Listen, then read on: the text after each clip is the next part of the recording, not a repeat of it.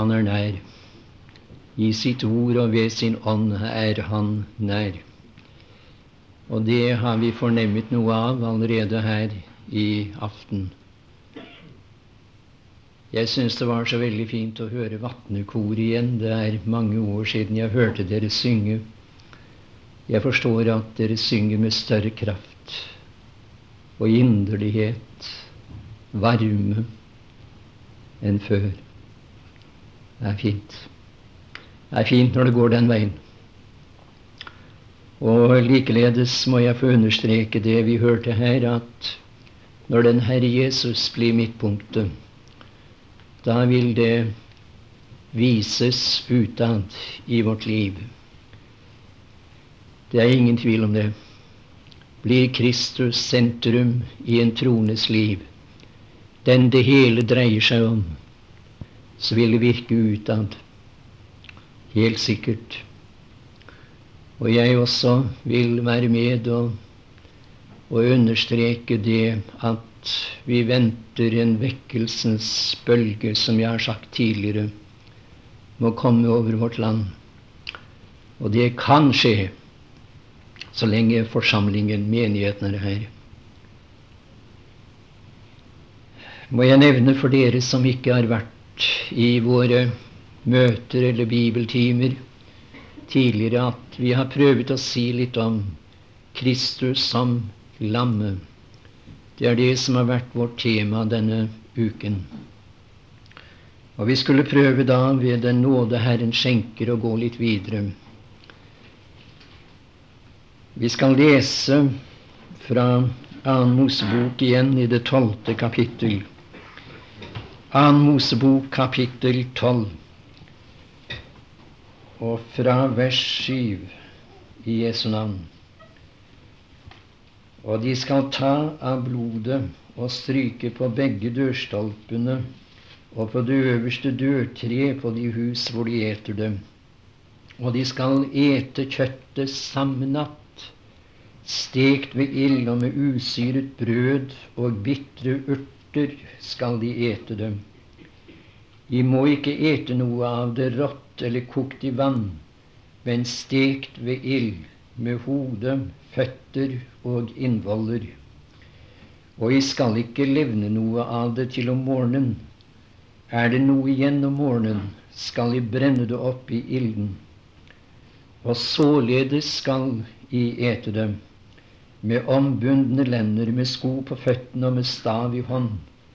Og I skal ete det i hast, det er påske for Herren.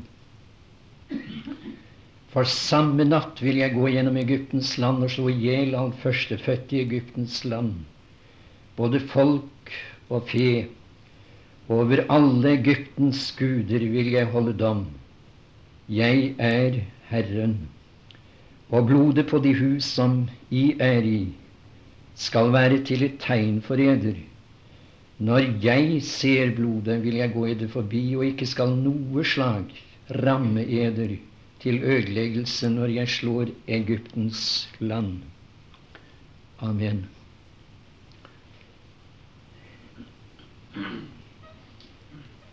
Vi har i de tre foregående møtene eh, vært opptatt av sannheter som jeg her ikke kan gå nærmere inn på. Jeg må bare, av hensyn til dere som ikke har fått fulgt med i, i timene, i møtene, nevne at vi den første aften talte litt om lammet, utvalgt, prøvet og anerkjent. Og på det andre møtet stanset vi for at når Israels barn var kommet innenfor den blodbestenkede døren. Da var de brakt i sikkerhet, i trygghet. De kunne være trygge der. Uh, uansett hvilken tilstand de befant seg i, hvilke erfaringer de hadde, hvilken sjelstilstand de var i. De var innenfor den blodbestenkede døren og der var de trygge. Så hvorledes du enn føler Jeg synes det er så godt med den sangen der hvor det lyder Hvorledes du føler, og hvorledes det går. Barn skal du enda få være. Du er innenfor. Vi har videre talt litt om festmåltidet. Festmåltidet. Det var det stekte lam. Det var lammet, de erkjente det, som hadde vært under Guds dom, under ilden, vært gjenstand for Guds dom. Og dom, det er en sannhet som vi ser og forstår noe av når vi vender våre våre øyne mot Golgata, og spesielt i de tre mørke timer der Kristus bar nemlig ikke våre synder fra sin fødsel av og gjennom sitt liv, som det under tiden blir fremholdt. Nei, Bibelen sier ikke det. Men det var, mine tilhørere, i disse tre timer, de første timer fra klokken ni til tolv, da var det mennesker som behandlet Guds sønn i denne verden. Men klokken tolv midt på dagen senket det seg et kompakt mørke over landet. Det har vel aldri vært så mørkt som det var da. Hva var det som skjedde?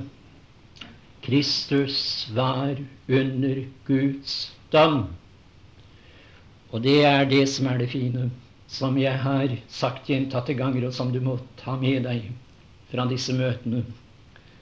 Eh, det er utenfor lokalet. Det er i hverdagen. Det er der du trenger det. Det er der det betyr noe for deg. Der du lever ditt liv som troende. Du må ta med deg den sannhet at dommen har gått over de frelste. Vi ser ikke frem til dommedagen. Nei, nei, nei. Vi, vi, vi kan vende oss tilbake, se tilbake på vår dommedag. Vi har vært for dommen, i dommerens egen sønn. Og jeg kan gjerne sitere det verset igjen, eller den strofen igjen. Da dommen falt, du ordnet alt. Så er det ikke noe mer orden i den saken. Gud gikk til bunns i spørsmålet om synd. Han løste det fullstendig der i de tre timene. Gud være takk. Vi så i går litt på det annet vers i Annen Mosebok, det tolvte kapittel, der hvor det heter denne måned skal være eders nyttårsmåned. Den skal være den første av årets måneder hos eder den første måned. Og vi understreket gjentatte ganger da at lammets død markerte en avslutning og en ny begynnelse. Det var noe som ble avsluttet ved lammets død. Den gamle adamittiske, om jeg kan si det sånn, naturen som er i deg stadig uavbrutt så lenge du lever ved tro, den gjorde Gud seg ferdig med i og med lammets død. Så Gud ser deg nå uavbrutt, ustanselig, i Ham, i Kristus. Det er blitt en ny begynnelse i og med Kristi oppstandelse. Og det gjelder bare en ny skapning, sier Skriften.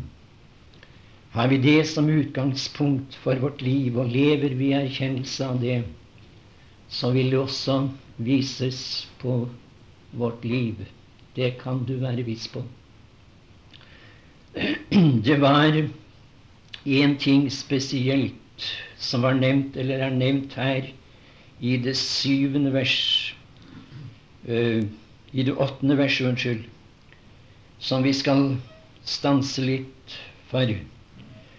Og de skal ete kjøttet samme natt, stekt ved ild. Og det er altså dom. Ild er dom. Og så kommer det Og med usyret brød. Det var en ting som ikke var tillatt å spise sammen med det stekte lam. Der i Egyptens land, da Israel var samlet innenfor den blodbestenkede døren. Og det var syret brød. Dere må ha all surdeig vekk fra deres hus, sa Herren. Og det gjentok han og gjentok han. Igjen og igjen hører vi om dette her. Og jeg vil gjerne, hvis du har Bibelen for hånden, og det håper jeg du har, at du skal se litt på det nå. Altså i det, i det 14. vers. Og denne dag skal være en minnedag for eder, og jeg skal holde den som en høytid for Herren. Det skal være en evig forskrift for eder å holde den, slekt efter slekt. I syv dager skal I ete usyret brød. Straks på den første dag skal I ha all surdeig av eders hus skal all surdeig bort av eders hus. Enhver som eter syret brød fra den første til den syvende dag, han skal utryddes av Israel. I det syttende vers I skal holde de usyrede brøds høytid. Vers 18 i den første måneden, på den fjortende dag i måneden om aftenen, skal de ete usyret brød. Den nittende vers. I syv dager skal det ikke finnes surdeig i eders hus. Enhver som eter syret brød, han skal utryddes av Israels menighet, enten han er en fremmed eller innfødt i landet. Intet syret skal I ete. Eh, du ser at det er meget, meget maktpåliggende for Herren å holde dette frem. Intet syret skal I ete. I alle hus skal I ete usyret brød. Det er altså vers 20. Surdeig står i Skriften for det som er syndig, ondt, korrupt. Og alt dette, det måtte de ikke tillate når de spiste lammet stekt ved ild. Og la meg si det slik, jeg er ikke i stand til å formulere det bedre. Det er komplett umulig, legg nå merke til hva jeg sier, å ete eller spise lammet, erkjenne lammet, og på samme tid unnskylde, tillate, tolerere bevisst synd i sitt liv som en trone. Gud tillater ikke det. Eh, jeg vet at jeg er blant dem som blir beskyldt for å bare preke nåde. Og jeg sa det i går, og jeg synes det er veldig fint. Det kom til en forandring. Det kom til en forandring. Loven og nåden, sier den gamle boken, løp side om side inn til Golgata kors. Men der ble det slutt. Loven den fant sitt endelikt på Golgata. Den var gitt til Israel, og kun til Israel. Det sier Bibelen. Men vi bør ikke protestere. Men i dag heter det i Romerbrevets 5. kapittel, vers 21, at nåden skulle herske ved Jesus Kristus. Herske ved rettferdighet. Ja, i dag sitter nåden på tronen, og det er nåde vi er eh, sagt og skulle forkynne, vi som taler Guds ord i denne tids husholdning. Nåden er plassert på tronen. Nåden hersker i denne tid. Og tillat meg å, å gjenta det jeg sa i går. Det er i grunnen bare én årsak til at Gud ikke slår syndere ned når det spottes som det gjør i dag. Å, jeg har så ofte tenkt at ikke, at ikke Gud slår til med dom og straff. Han gjør ikke det. Har du undret deg? Det er bare én årsak til det. Nåden er på tronen. Nåden er på tronen. Men jeg tror vi nærmer oss den dag, mine tilhørere, da rettferdigheten skal innta nådens plass. Rettferdigheten blir satt på tronen. Under den antikristelige store trengsel vil Gud handle i dam. Og det ser vi i Åpenbaringens bok fra det sjette til det nittende kapittel. Om du vil lese der med eftertanke, vil du finne at fryktelige dommer vil gå over denne jord. Jeg skal komme litt nærmere inn på det på søndag, hvis Herren skjenker nåde til det. Men, men la meg få lov å si nåden hersker i denne tid. Det er nåde Gud ber oss forkynne. Nåde. Og vi forstår vel i grunnen lite hva nåde er. Det vil vi først forstå når vi en dag er hjemme, tror jeg. Det er enkelte hjem jeg har sett. De har et, et vakkert innrammet skriftsted på veggen. Og der står det 'alt av nåde'.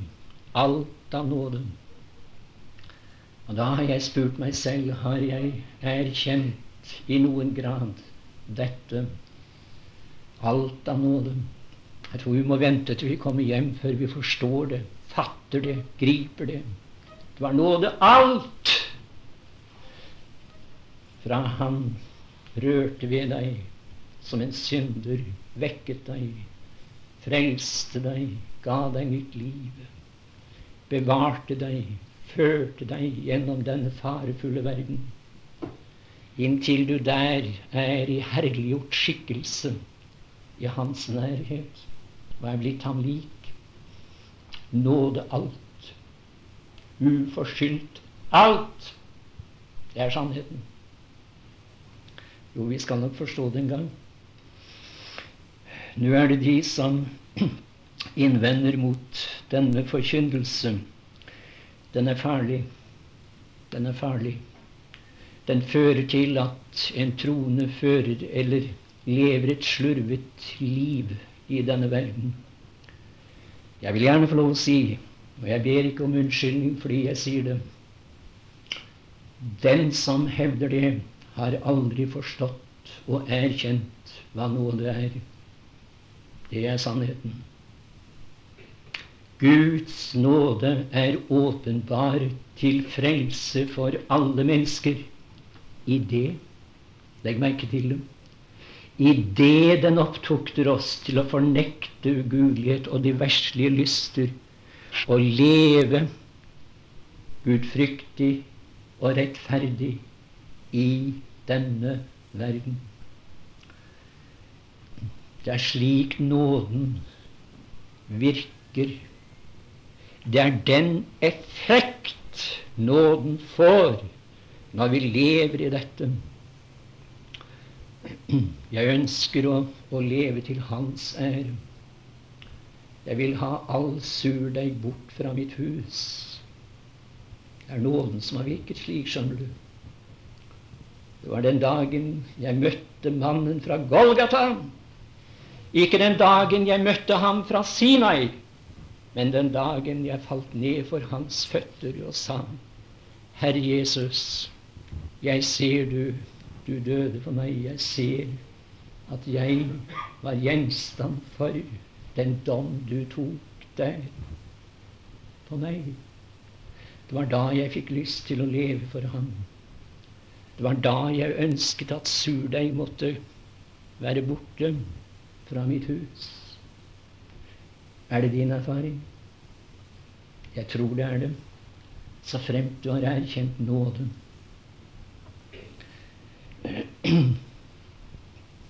Vi skal lese igjen i første Korinterbrev, det femte kapittel. Første Korinterbrev, kapittel fem.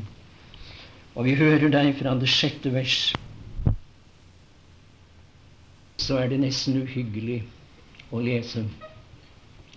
For der fortelles det om synder i Korint som man vegrer seg for å nevne i en offentlig forsamling. Grove synder som fikk plass i denne forsamling, i, i menigheten i Korint. Og derfor så sier Herren her det er ikke smukt det som i roser av Vet dere ikke at en liten surdeig syrer hele deigen?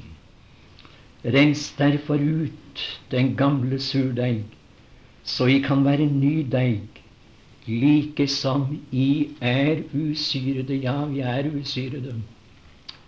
I kraft av at vi er født av Gud, i kraft av at vi har en stilling i Ham, en ærefull, verdig stilling i ham til enhver tid.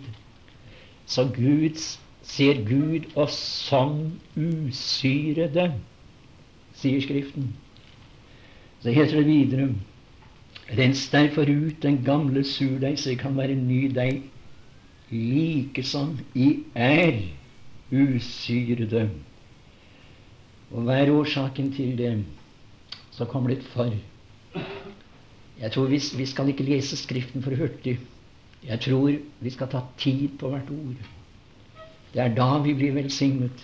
Det er da det går til våre hjerter. Og det er da det smelter sammen med den som leser. Hør nå. For, står det. Det er årsaken, altså. Det er begrunnet med dette. For vårt påskelam er jo slaktet Kristus. La oss derfor La oss derfor holde høytid ikke med gammel surdeig eller ondskapsugudelig surdeig, men med renhets- og sannhets- og usyrede brød. Ja, det er høytid hele reisen. Det er festreise, godt folk, å være på vei hjem til herligheten. Årsaken til det er lammet. Lammet. Gud gi at Kristus kunne bli så stor for våre hjerter ved Den hellige ånds ledelse gjennom ordet denne uken, at de vi vandrer sammen med, de måtte se mer av ham i oss. Jeg husker at Vaksdalskvartetten Noen av dere vil huske disse brødre. De sang en sang som jeg ble veldig glad i. De sang slik O la mitt liv om Jesus tale. O la mitt liv om Jesus tale. Ja, det var det som vokste frem den dagen jeg møtte ham. Jeg erkjenner at det har mislykkes i den grad å leve verdig Kristus. Men jeg har en større lengsel en, en, en, en mer higen efter å leve for Han. Få all surdeig bort. Altså bevisst synd. Jeg sier bevisst. Merk deg det. I mitt liv. Man kan være til ære for Ham som har gjort så usigelig meget for meg. Han som frivillig gikk ned så dypt som ingen vet, som det ble sunget her en dag for å løfte meg opp på disse svimlende høyder. I ham! Å, hva innebærer ikke det? Dere er usyret. Derfor så skulle det heller ikke finnes surdeig i vårt liv. Og jeg gjentar jeg taler om bevisst synd.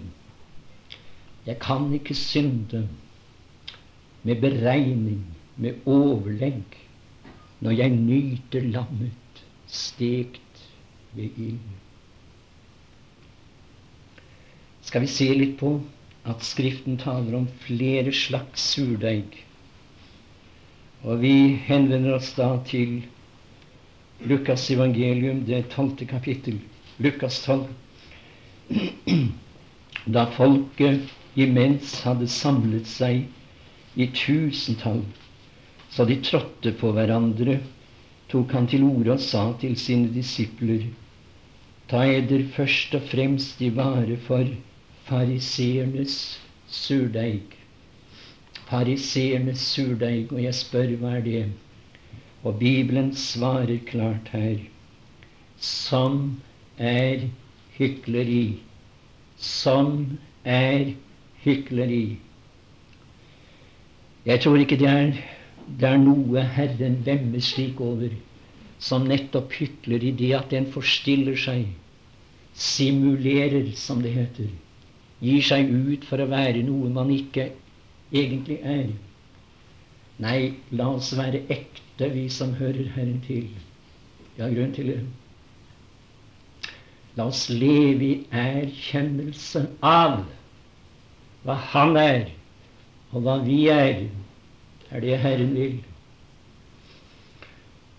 Vi leser om en annen slags surdeig i Matteus evangelium, det 16. kapittel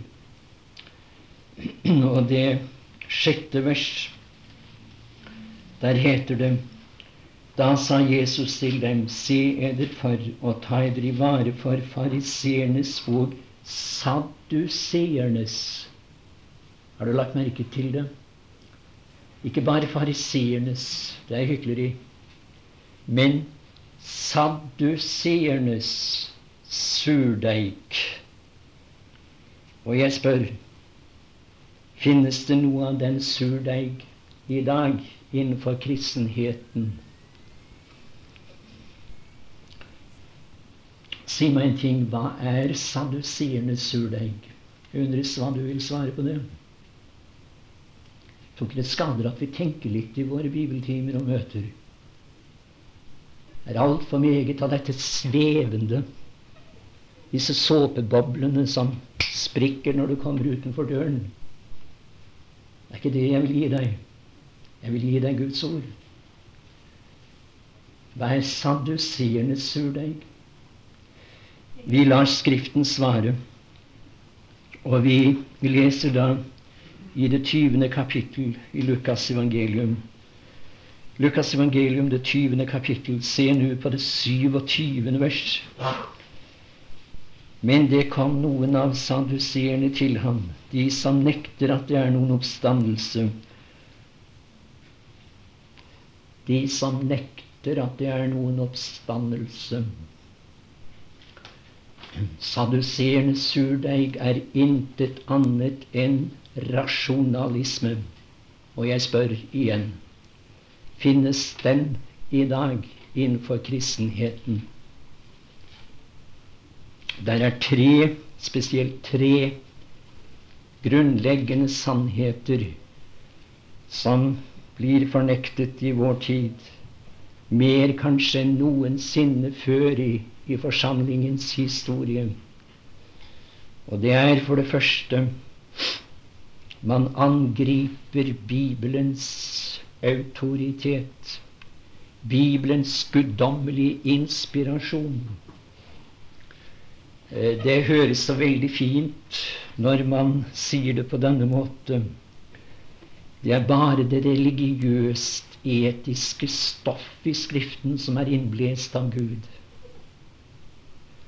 Og det, det, det bedrøvelige er at mange troende biter på. Å, her trenger vi vekkelse i dag. Her trenger vi vekkelse i denne tiden. Jeg vet det er noen som har gått så langt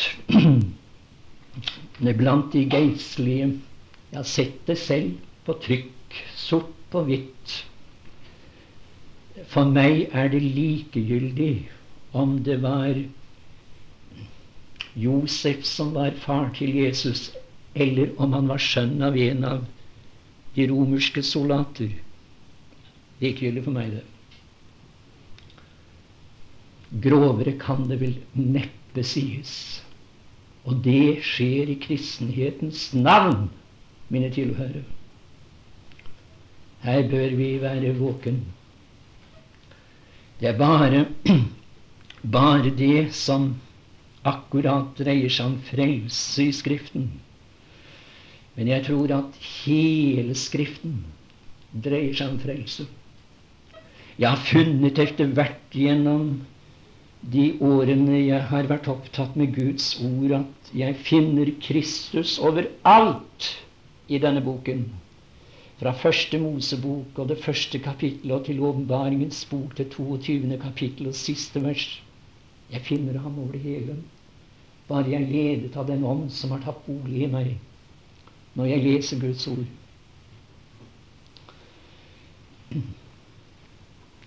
Historie geografi, geologi, astronomi. Det finnes meget av det i Skriften. De er ikke innlest av Gud, hevdes det. Jo, de er så absolutt innblest av Gud.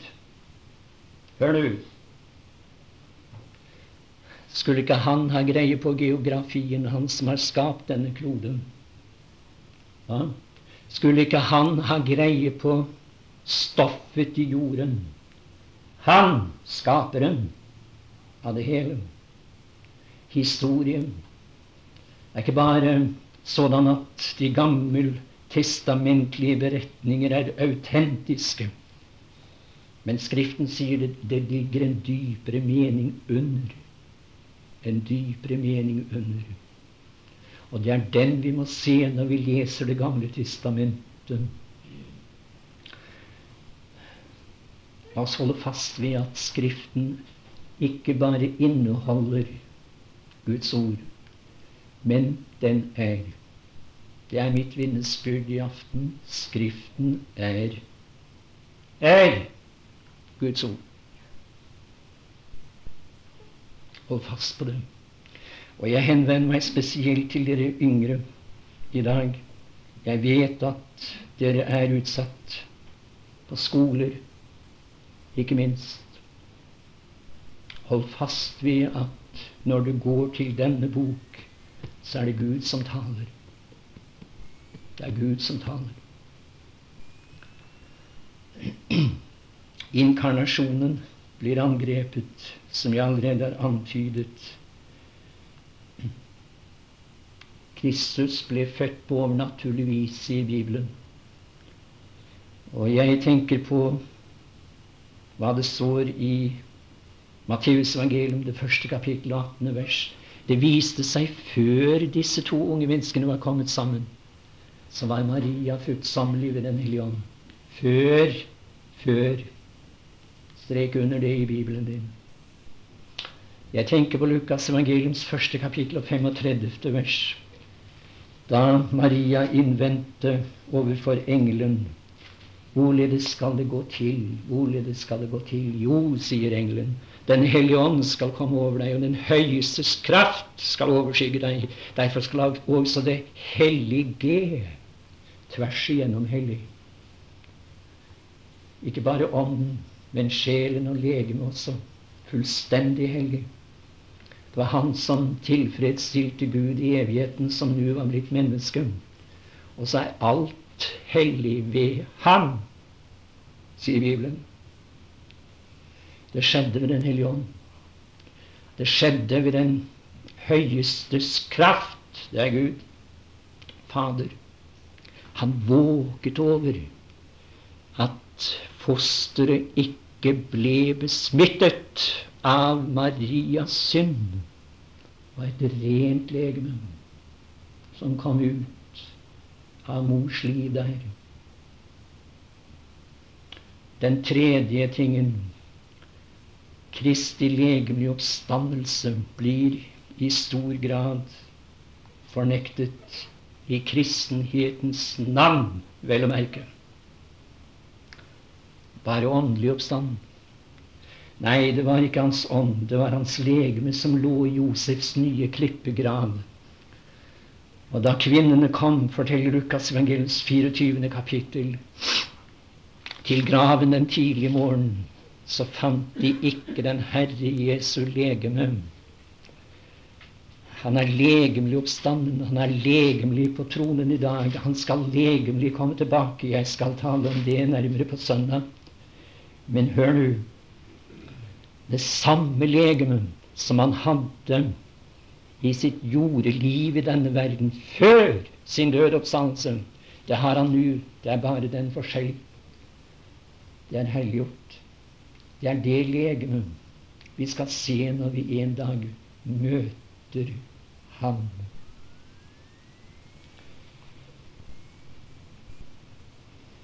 Tilbake til Mosebok 12.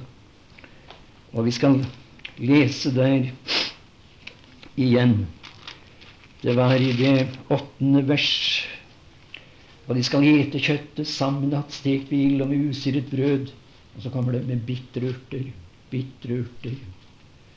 Ja, det vil alltid være slik at bekjenner du Kristus, som en gang var under Guds dom, og lever du erkjennelse av det i ditt liv, da vil du også få smake på de bitre urter i ditt liv.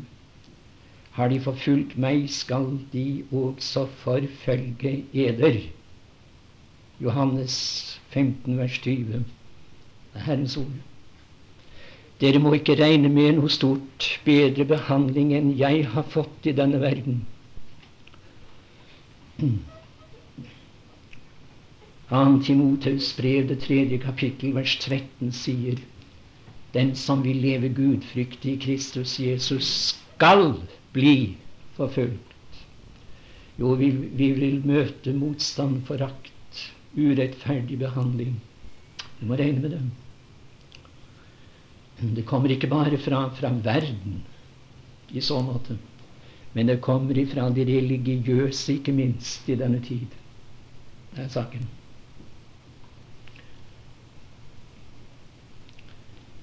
Nå er det kanskje ikke så mange som lider fysisk i vårt liv, i, i, i vårt land, unnskyld, i dag. Men der finnes noen. Og vi behøver ikke å reise så langt ned i Europa før vi finner noen som setter livet inn for den Herre Jesus. Jeg omtaler disse mennesker med den dypeste respekt og ærbødighet. Jeg blir skamfull når jeg tenker på dem. De er villige til å gi sitt liv for ham. Ja, er han det verdt? Jeg har stillet meg det spørsmålet men jeg vil være forsiktig med å gi et avgjort svar. Er jeg villig, om det skulle koste livet? Jeg tenkte på de ordene i dag fra Esekiel, hvor det står at Togarma-folket i det ytterste Norden skal følge den store kjempen når han retter sitt endelige angrep mot Israel. Det ytterste Norden det ligger meg nær å tro at Skandinavia utgjør det ytterste Norden. Jeg vet det er delte meninger om det, men jeg ser det slik. Er du villig? Er jeg villig til å gi livet for Han som ga alt for oss? Jeg tror det kan være godt å være at vi blir konfrontert med det spørsmålet. Han er det verdt. Han er det verdt. Det skal være noen, mine tilhørere, på en kommende dag, når den Herre Jesus har rykket sine hjem. Det skal være noen der som blir tilkjent rettferdighetens krans. Det skal være noen der som får martyrkronen. Livsens krone. La oss huske at det er én ting at vi kommer til himmelen, og det gjør vi alle som er frelst, skal Han sørge for.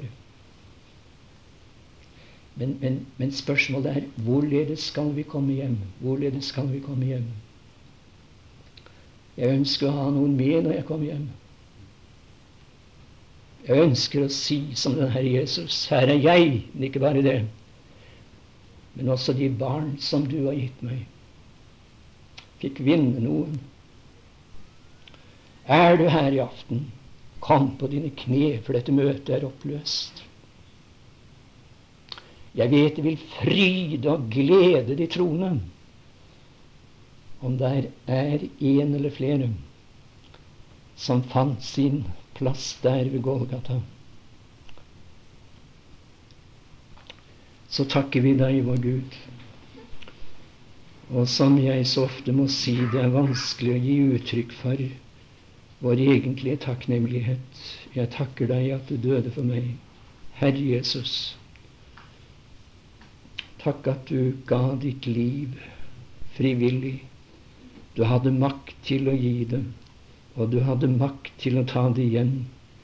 Du er en uforlignelig person. Ingen kan sidestilles med deg.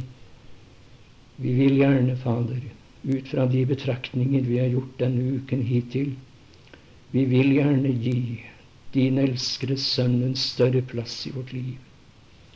La det ha den virkning, det vi har betraktet her og nå. La oss få se noen som kunne være en stjerne i ditt diadem i evigheten. Som faller ned for din fot og begynner å tilbe deg. Ja, det blir resultatet av dette møtet. Vi ber i ditt verdige navn og takker. Amen.